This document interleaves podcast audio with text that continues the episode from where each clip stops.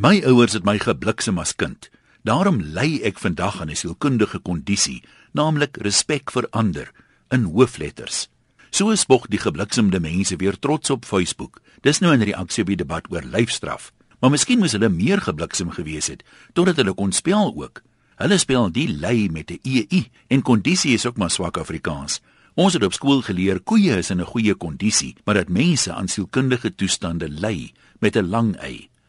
Een van hierdie toestande is dat daar 'n paar geslagte Afrikaanse mense is wat geleer is dat jy nie hemel toe sal gaan as jy vir jouself dink en iets durf bevraagteken wat gesagsfigure soos jou pa, die dominee of die partyleier sê nie.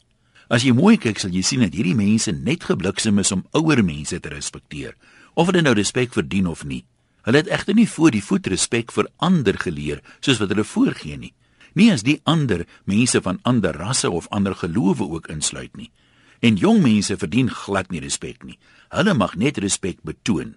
Verder moet hulle net gesien word en nie gehoor word nie. Al die gebliksemdes aanvaar voor die voet dat lyfstraf die lof verdien vir die kondisies waaraan hulle vandag ly.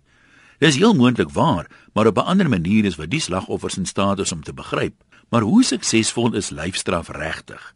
As dit dan so goed gewerk het, Hoekom was dit altyd dieselfde groepie wat in Sandet 6 gereeld gevoeder moes word wat in matriek steeds 6 van die bestes nodig gehad het? Hoe lank vat dit dan om te werk? En as kinders daardeur respek geleer het, hoekom het seuns onderling gekompeteer oor wie al die meeste houe in 'n skooljaar gekry het?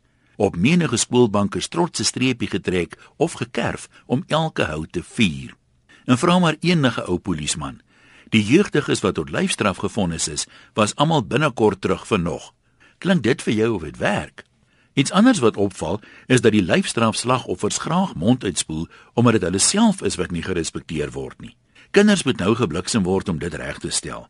Maar hierdie mense het self min respek vir ander wat van hulle verskil of selfs vir verkeersreëls wat hulle nie pas nie. Vergelyk nou 'n land soos Japan met Suid-Afrika. In Japan is jou eer en respek alles. Mense gaan tot uiterstes om gedissiplineerd op te tree en te wys dat hulle respek verdien. Volgens die bliksemodel moes hulle dan seker op skool pap geslaan gewees het.